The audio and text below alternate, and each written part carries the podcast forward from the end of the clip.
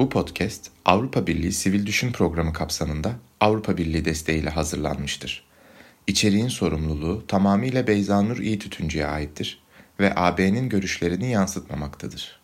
Kültürel üretimde sansürün ve otosansürün etkisi podcast serisine hoş geldiniz. Ben Beyza İyi Tütüncü. Resim ve tiyatro sanatının bir araya geldiği dijital sanat projesi olan Paintelling ekibinde yer alıyorum. Proje hakkında daha fazla bilgi almak isteyenler paintelling.org adresini ziyaret edebilirler. Podcast serimizin ilk bölümünde gazeteci ve sanat yazarı Özlem Altınoğlu ağırlıyoruz. Hoş geldin öncelikle. Davetimizi kabul ettiğin için çok teşekkür ederim Özlem. Ee, dilersen dinleyicilerimize kendini ve yaptığın işleri tanıtarak programa başlayabiliriz. Hoş bulduk, teşekkür ederim. Ee, şimdi ben 2000'den bu yana kültür sanat alanında çalışıyorum, ee, gazeteciyim. O hal dönemine denk gelen süreçte de 2016'da tam da böyle o halden önce kurulmuş olan Susma platformunda 3 yıl kadar çalıştım.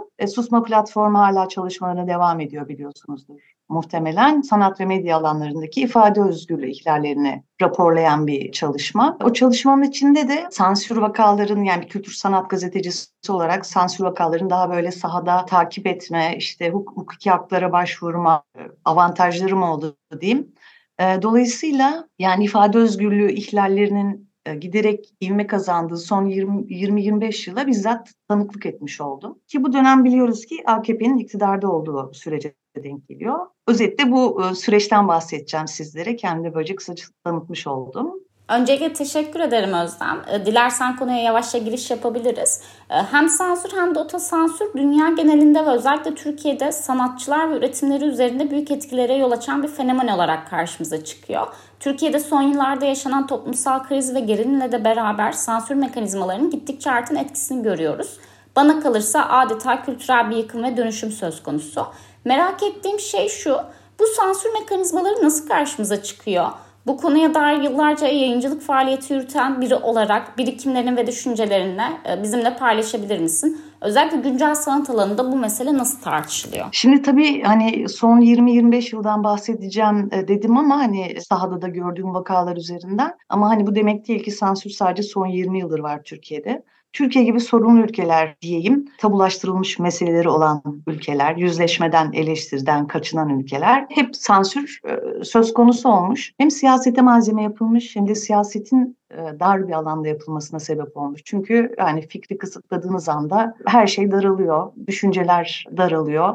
Çok işte kutuplaşmanın da sebebi aslında bu. Yani aslında Türkiye'deki ifade özgürlüğü yasaklarına bakarak bu ülkenin siyasi tarihine dair fikir sahibi olmak mümkün. Çünkü propaganda aracı olarak kullanılmış. İktidarların ideolojilerini kamuya, kamuoyuna aktarmada bir araç olarak kullanılmış. Tabu meseleleri üzerinden manipülasyon malzemesi olmuş. Çeşitli işte TCK gibi, TMK gibi, 301 gibi kanun ya da maddelerle e, devlet ya da iktidar tarafından ifade özgürlüğüne e, sürekli müdahalelerde bulunmuş. Yani yeni bir şeyden bahsetmiyoruz ama tabii ki e, bu son 20 yılda AKP iktidarıyla beraber arttığını söylemek çok mümkün. Özellikle de Gezi'den sonra o hal sürecinde zaten KHK'larla ifade özgürlüğü ihlalleri meşrulaştırıldı, zirveye çıktı. E, o hal iki yıl sürdü. O ardından 7145 sayılı kanunla KHK'lar yani kanun hükmünde kararnameler bir fiil yasaya dönüştürüldü ve bugün artık o kapsamında uygulanan güçler normalleştirilmiş vaziyette devam ediyor. E tabii ki doğal olarak bütün bu uygulamalar sanatsal ifadenin kısıtlanmasında çok etkili oldu. Her türlü eleştiri terörist propagandayla eş tutuldu. Keyfi sansür uygulamaları arttı. E, sansür biçimlerini sordunuz, yöntemlerini sordunuz biraz önce. Çeşitlendi, e, arttı. Hani daha çok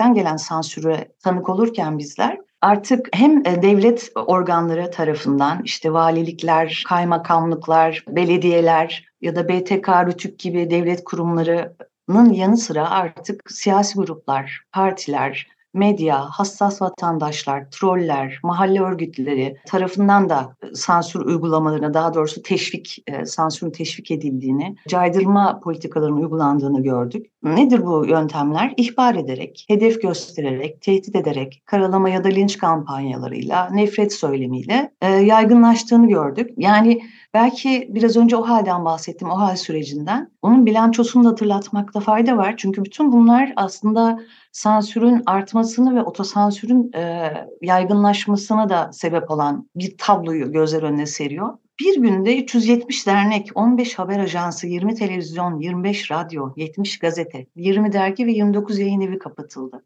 Varlıklarına el kondu, gözaltına alındı. Bazıları tabii ki, bazıları tutuklandı ve hepsi işsizliğe mahkum edildi. E burada şunu da görüyoruz. Yani sansürün sadece ifadeyi yasaklayarak değil, aynı zamanda tutuklayarak, gözdağı vererek ya da işsiz bırakarak e, farklı şekillerde hayat bulduğunu da gördük. Gazeteciler tutuklandı, yargılandı, Cumhurbaşkanı hakaret davaları açıldı binlerce. Özellikle de e, bunların içinde Kürt medyası, Kürt tiyatroları, Kürtçe oyunlar, Kürtçe yayınlar, e, edebi eserler yasaklandı. E, rütük cezalarını biliyoruz, internet yasağını biliyoruz, Wikipedia yasağını hatırlıyoruz hepimiz. Eylem ve gösteri yasağı, yani denetim ve baskı e, çok geniş bir alana yayıldı. E, bunun sanat alanına da kendi e, alanıma gelecek olursam özellikle çağdaş sanata yansıması benzer şekilde oldu ama çok görünür olmadı. Çünkü devletten azade bir ortam, özel sermayenin devrede olduğu bir sanat ortamı, çağdaş sanat dünyası. Ee, ama e, bu kurumların e, otosensür yapmasına engel olmadı ya da dışarıdan gelen saldırılara e, engel olmadı elbette. Bu korku atmosferinden tabii ki nasibini aldı sanat dünyası da. Sanat kurumları, sponsorlar, fon veren kuruluşlar, galeriler, küratörler, sanatçılar dışarıdan gelebilecek herhangi bir tehdidi kendilerini sınırlayarak bertaraf etmeye başladı. E bu da otosansür demek oluyor. Kendini sansürlemek, sanatçısını sansürlemek, etkinliğinin aslında alanını daraltmak sözünü azaltmak demek oluyor. Özlem rica etsem somut örneklerle konuyu dinleyicilerimiz için biraz daha detaylandırabilir misin? Tamam. Örnekleri biraz böyle tasniflemeye çalıştım. Hani farklı sansür biçimlerinde göstermesi açısından. Mesela şöyle bir örnek. 2005'te 6-7 Eylül olaylarının 50. yılında Kars Sanat'ta bir sergi açılmıştı. 6-7 Eylül olaylarının olaylarını fotoğraflarla anlatan ve sergiye milliyetçi bir grup tarafından e, e, baskın ve saldırı yapıldı. Aynı yıl Bilgi Üniversitesi'nde bir Ermeni konferansı düzenlenmişti ve konferansı katılanlara saldırılmıştı. Orhan Pamuk yine aynı dönemde yabancı basına verdiği röportajda sarf ettiği sözler yüzünden 30 bin Kürt'ü ve 1 milyon Ermeni'yi öldürdük demişti. 301'den yargılanmaya başlamıştı. E, iki yıl sonra yani 2005'ten iki yıl sonra 2007'de de bugün hala sürmekte olan ve faillerinin cezalandırılmadığı Agos gazetesi genel yayın yönetmeni Hrant Dink suikastı yaşanmıştı. Devam ediyorum. 2011'e geldiğimizde ise Ermenistan'daki e, soykırım anıtına karşı, karşılık gelecek şekilde Mehmet Aksoy tarafından e, yapılmakta olan insanlık anıtı vardı, anıtı heykeli. Tayyip Erdoğan bu heykeli ucubeye benzeterek e, yıkılacağını söylemişti ve bunu karşıda Sarıkamış şehitlerini anma törenlerine gittiği zaman e, sarf etmişti sözleri. Yani e, hani demin en başta şey dedim ya e, bir propaganda aracı olarak da kullanılıyor ifade özgürlüğü ihlalleri, e, sansür, tabu konular işte meselemiz burada mesela Ermeniler, gayrimüslimler ya da Kürtler. Böyle bir örnek e, yığını, kümülüsünden bahsedebiliriz mesela. Bu tür tabu konular zaten mahalle baskısıyla, medya aracılığıyla, çeşitli milliyetçi gruplar vesilesiyle hani bir şekilde düğmeye basılıyor ve öyle püskürtülüyor diyeyim e, karşısındaki e, işleyişler e, işte bu sergi olabilir, bu bir heykel olabilir, bu bir konferans olabilir. Yine hassasiyetler meselesinden devam edecek olursam 11. Contemporary İstanbul Sanat Fuarı'nın açılışında yine milli görüşe bağlı olduğunu ilan eden bir grup milliyetçi Ali Elmacı'nın 2. Abdülhamit'in portresinin e, böyle bikinli bir kadın gövdesine oturttuğu bir heykeli vardı sergide fuarda. O esere saldırmışlardı. Ve olaydan sonra herhangi bir soruşturma yürütülmedi. Benzer bir vaka 2017'de Abdülmecit Efendi Köşkü'ndeki yine böyle bir e, çıplak bir erkeği temsil eden bir heykele işte Osmanlı halifeliğinin hatırasını, hatırasını zedelediği için saldırıldı bu heykele. E, bu tür örnekler, e, bu tür saldırı örnekleri ceza, cezasızlıkla sonuçlanıyor hep. Yani hiçbir caydırıcılık ki bunu devletin yapması gerekir. Devletin ifade özgürlüğünü koruması gerekirken tam tersi e, bunları teşvik eden uygulamalar görüyoruz. Mesela 15 Temmuz'un hemen ardından AKP Çanakkale Milletvekili Bülent Turan, Çanakkale Bienali'nin genel sanat yönetmeni olan o dönemde Beral Madra'yı sosyal medya paylaş, paylaşımlarını gerekçe göstererek e, darbe destekçisi ilan etmiş ve hedef göstermişti. E, bu olayın ardından Beral Madra istifa etti. Çünkü hedef gösterildi, çünkü e, hedef tahtasına kondu. Daha sonra Bienal ekibi de e, kabinin Bienal'i yürüten ekip. Onlar da Bienal'i iptal ettiler. Aynı korkudan onlar da muzdarip olduğu için. E, Anadolu kültürün kurucusu Osman Kavala'nın 2017'de başlayan e, tutuklanma süreciyle başlayan yargılanması ve bugün müebbetle sonuçlanan davası. E, Kavala gibi bu alanda hani kültürel çeşitlilik için kültürel hakları vurgulayan e, etkinlikler yapan kurumlara da bir uyarı niteliğindeydi. Sadece Osman Kavala değil. Caydırma stratejisinden bahsediyorsak bu bir caydırma stratejisi. Tam tersi ifade özgürlüğünü savunması gereken, koruması gereken devlet tarafından uygulanan e, işleyişler bunlar. Tabii bir de bunun ekonomik yanı var. Ekonomik sansür, bir kurumun e, hedef gösterilmesi, tehdit edilmesi ya da kapatılması onların aynı zamanda ekonomik olarak da dara düşmesi anlamına geliyor. E, sanat dünyasında da e, sayılı kurum var. Olanak, onların olanakları etrafında işliyor e, oradaki e, hareket, e, dinamikler. Dolayısıyla bağımsız duruşun da zor olduğu bir ekosistem burası. Dar alanda az pozisyon var, az olanak var, sınırlı gelir var. E, kurum sansürleri de bu yüzden ifşa edilemiyor. Yani aslında benim bahsettiklerim e, böyle artık hani e, medyaya yansımış. Çünkü artık saldırı yani hepimizin gözü önünde olan bir şey. Ama onun dışındakiler daha böyle hasır altı edilen, e, işte hani yola devam et, etmek adına, sansürü bertaraf etmek adına aslında otosansürü razı gelinen e, vakalar oluyor ve aslında onları konuşamıyoruz bile su yüzüne çıkmadığı için. Buna da örnek olarak ha bir de şu, işin şu yanı var tabii. Zaman zaman hani kurumlar devlet adına devlet gibi kontrol etmeye çalışıyor bu alanı dedim demin de. Devletin reflekslerini gösteriyor. E, onlar da gitgide devlete benziyor. Yani kendi iktidarlarını e, ayakta tutabilmek için benzer yöntemlere başvuruyorlar. Bu çok acıklı bence. E, bunu da e, 2016'da Ak Sanat'ta açılan, Akbank Sanat'ta açılan, e, açılmak açılacak olan diyeyim çünkü açılmadı sergi. Hospice, Barış, Barış Sonrası sergisinde gördük. Sergi iptal edildi ve e, böyle doğru düzgün bir açıklama yapılmadı. Hani muhatap alınmıyor, şeffaf olunmuyor e, dediğim e, için bu örneği veriyorum şimdi. E, o dönemde işte bombalı saldırılar oluyordu e, yoğun bir şekilde e, İstanbul'da ve e, Türkiye'nin genelinde pardon. Bu saldırıları e, gerekçe göstererek artan gerilim ve yaşanan yaz sebebiyle sergi iptal ettiklerini söylediler. Ama kurumun diğer etkinlikleri devam etti. Sadece sergi iptal edildi nedense. Fakat sonradan öğrendik ki e, o sergide yer alan sanatçılardan Belit Sağ'ın durumu ifşa etmesiyle öğrendik ki e, Belit Sağ'ın 90'larda binlerce Kürt vatandaşın öldürüldüğünü öldürdüğünü itiraf eden Ayhan Çark'ın üzerine bir e, video hazırladığı, üzerine hazırladığı bir video eser e, sergilenecekti bu sergide. E, Belisa eserini çekmeyince sergi iptal edildi.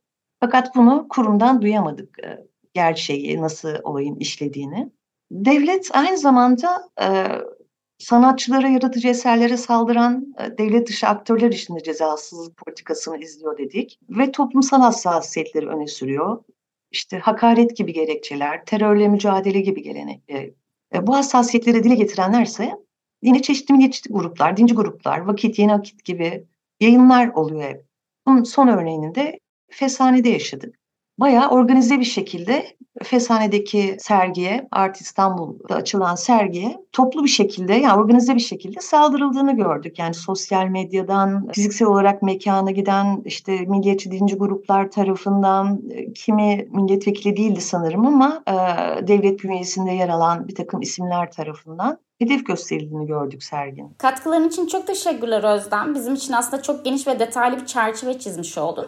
Ben seninle bu konunun başka bir boyutunu konuşmak istiyorum. Şimdi sansür dediğimiz şey Türkiye'de tabii ki de herkesi eşit bir şekilde etkilemiyor. Somut verilere baktığımızda da ifade özgürlüğü bağlamında farklı coğrafyalarda bu sansür mekanizmasının şiddetinin çok daha fazla ve farklı olduğunu biliyoruz.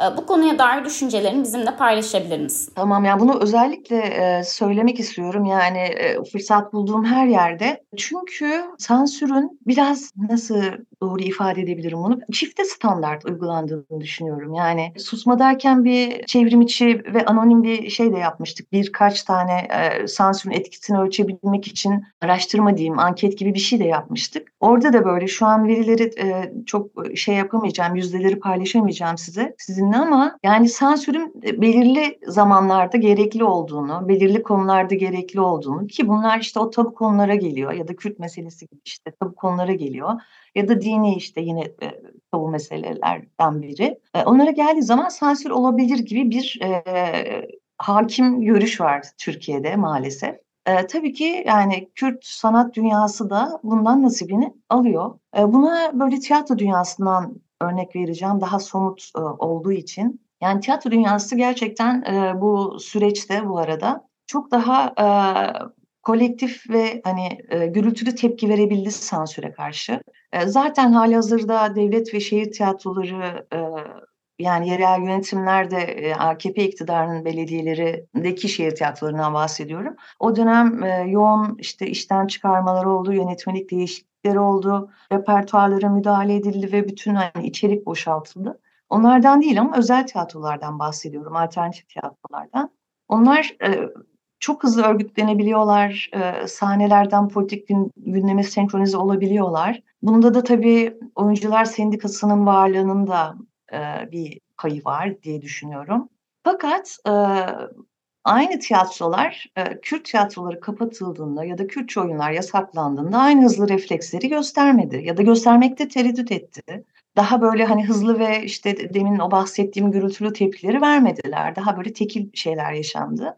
Yani hepsi için söylemek istemem bunu. Yani sahnelerini Kürt tiyatro, tiyatrolarıyla paylaşmadılar. Bu da bir çifte standart ya da otosansür olarak değerlendirilebilir diye düşünüyorum.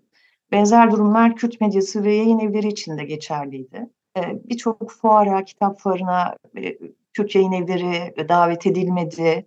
Davet edilmemesi mesela sansür gibi görünmüyor. Hani ama neden davet edilmedi? Bir Kürt e, yayın evi bunu e, Kürtçe yayın yapan bir e, yayın evi bunu söylediğinde ancak öğrenebildik. Ama onlar için de bunu söylemek artık sürekli e, şey yapmak gibi, şikayet etmek gibi olduğu için onlar da bundan rahatsız oluyordu. Yani bir şekilde e, sessizce görülmediler, görülmüyorlar. E, bu zaten yaklaşım, bu zihniyet devam ettikçe de onlar kendi kavgalarını kendileri için verecekler gibi görünüyor üzücü bir şekilde. Son temamızla kapanış yapmak istiyorum. Sansürle ve otosansürle mücadele konusu bu konuyu daha fazla ve çok daha yüksek sesle konuşmamız gerektiğini de düşünüyorum. Ee, ve açıkçası bir editör olarak fikirlerini merak ediyorum. Bu alanda kültür sanat yayıncılığının sence nasıl bir işlevi olabilir? Bizimle düşüncelerini paylaşabilir misin? Tabii seve seve. Çünkü evet bu alanda yazıyorum, haber yapıyorum. Ya şey çok üzücü mesela. Bugün artık e, mesela İKSV üzerinden 18. İstanbul Bienalinde e, yaşanan bir usulsüzlük diyelim yönetmelik yönetmeliğe dair. Sonra da kurumun tatmin edici bir açıklama yapmaması şimdiye kadar ki aradan 3 e, Ağustos'ta ortaya çıktı. Yani 3 Ağustos'ta küratör seçimini açıkladı İKSV fakat seçilen küratörün aslında halihazırda danışma kurulunda olan bir küratör, e, bir isim olduğunu, danışma kurulunun başka bir ismi oy çokluğuyla, oy birliğiyle belirlediğini fakat yönetim kurulunun onu Defne Ayas oluyor o küratör. Onu kabul etmeyip e, danışma kurulu, kurulunda olan bir ismi küratör olarak belirliyor. Danışma kurulunun istifa ediyor o süreçte kendi kararları tercih edilmediği için. Ve İKSV'de danışma kurulunu açıklayamıyor şimdiye kadar açıkladığı halde önceki yıllarda. Ve yani 3 Ağustos'ta bu e, açıklandı, işte açıklanmadı ya da. E, ve o günden beri e, İKSV'den tatmin edici bir açıklama duyamadık maalesef. Ve bunu haberleştiren bir basın da yoktu Türkiye'de. Yani e, ulusal medyada demek istiyorum. Önce uluslararası basından duyduk bunu. Ya bu alanda e, çalışan biri olarak benim adıma çok üzücüydü bu. E, biz de öyle duyabildik e, bunu. E, yani bu alandaki haberciliğin e, yani kültür sanat sayfalarının e, artık ilgi görmediğinin, yok edildiğinin işte hani yandaş medya tarafından başta yok edildiğini gördük. Ama alternatif yayınlar da çok zor koşullarda var olabiliyor bugün. Bunun o yüzden kıymetini bilmemiz gerektiğini düşünüyorum, desteklenmesi gerektiğini düşünüyorum alternatif yayınların ve medyanın. Çünkü sansür ve otosansür aynı zamanda hafızayı yok etme girişimi. Bunlar konuşulmadığı zaman, eleştirilmediği zaman, e, kamuoyu bir baskı yapmadığı zaman ilerlemek ya da işte onların şeffaf olmasını sağlamak, e, hesap verebilmesini e, sağlamak mümkün olmuyor. E, bu hafızayı yok etme girişimine karşılık kayıt tutmak, sansürlen üretimleri, sansüre uğrayan sanatçıları, vakaları haberleştirmek, kamuoyuyla paylaşmak o yüzden çok önemli. Şimdi ne yapılabilir kısmında e, hepimiz biraz böyle hüsranla diyeyim, umutsuzca cevaplar veriyoruz. Çünkü yıllardır bunun içindeyiz artık. Ama yani hep aynı cümleyi kuruyorum. Tekrar tekrar da kurmak durumundayız bence. Eğer bir sansür tarihi varsa bunun karşısında bir de bir direniş tarihi var. Sansüre direnen, e, ona karşı çıkan insanlar topluluğu var, kurumlar var. E, bunu bir araya gelmekten başka yolu yok. Yani yayın, yayıncılar olarak da. E, çünkü bu bir şey, e, büyük, geniş bir halka ve biz onun zincirlerinden biriyiz sadece. Bir takım şeyler, oluşumlar e, yürümedi. Bu anlamda mesela susmanın bu sürekliliği çok kıymetli diye düşünüyorum. Orasının daha da canlanmasını, daha kalabalık bir ekip olmasını temenni ediyorum. Bunu da buradan söyleyeyim. Mesela şey vardı, Hrant Dink'i yitirdikten sonra 2007'de böyle güncel sanatçılar ve yazarlar 19 Ocak kolektif adıyla bir e, bir araya gelmişti adı altında. Fakat yani orada da böyle sansür pratiklerinin bir haritasını çıkaracaklar, çıkarmaya karar vermişlerdi. 2010'da ise Çağdaş Gösteri Sanatları Girişimi Derneği benzer e, bir çalışma başlatmaya niyetlendi. Siyah Bantı bilirsiniz çok önemli çalışmalar yaptı. 2011'de kurulmuştu. Onların çalışmaları da maalesef durdu. Altyazı sansüre e, ayırdığı bir e, şeyi var. Fasiküllerinde bilirsiniz muhakkak. Bir de şimdi yeni reportan, reportan, reportarenin, ay söyleyemedim, sanat özgürlüğünün izleme platformu, söz diye kısaca gibi bir oluşum var. Yani bu tür aktif ağların artması gerekiyor. Ee, onlar artarsa biz yazabiliriz, hep beraber ses çıkarabiliriz. Sanatçılar bu oluşumların çevresinde bir araya gelebilir diye düşünüyorum. Çok teşekkürler Özlem. Söylediklerine kesinlikle katılıyorum. Ortak bir tavır almaktan başka bir şansımız bence de yok. Ee, ve bu konuyu çok basit seviyelerden başlayarak konuşmaya ihtiyacımız olduğunu da düşünüyorum. Türkiye'de yaşayan her bir bireyin ifade özgürlüğünün ne olduğunu tartışması ve bilmesi gerekiyor. Çünkü ifade özgürlüğü dediğimiz şey demokratik toplumların bana kalırsa en temel ilkelerinden birini oluşturuyor. Farklı görüşlere, kültürlere ve inançlara sahip insanların bir arada yaşamasının çoğulculuğun temelini oluşturuyor. Bugün bizimle olduğun için çok teşekkürler. Ee, podcast serimizin ilk bölümünde umarım dinleyicilerimiz de çok keyif almıştır. Bir sonraki bölümümüzde görüşmek üzere.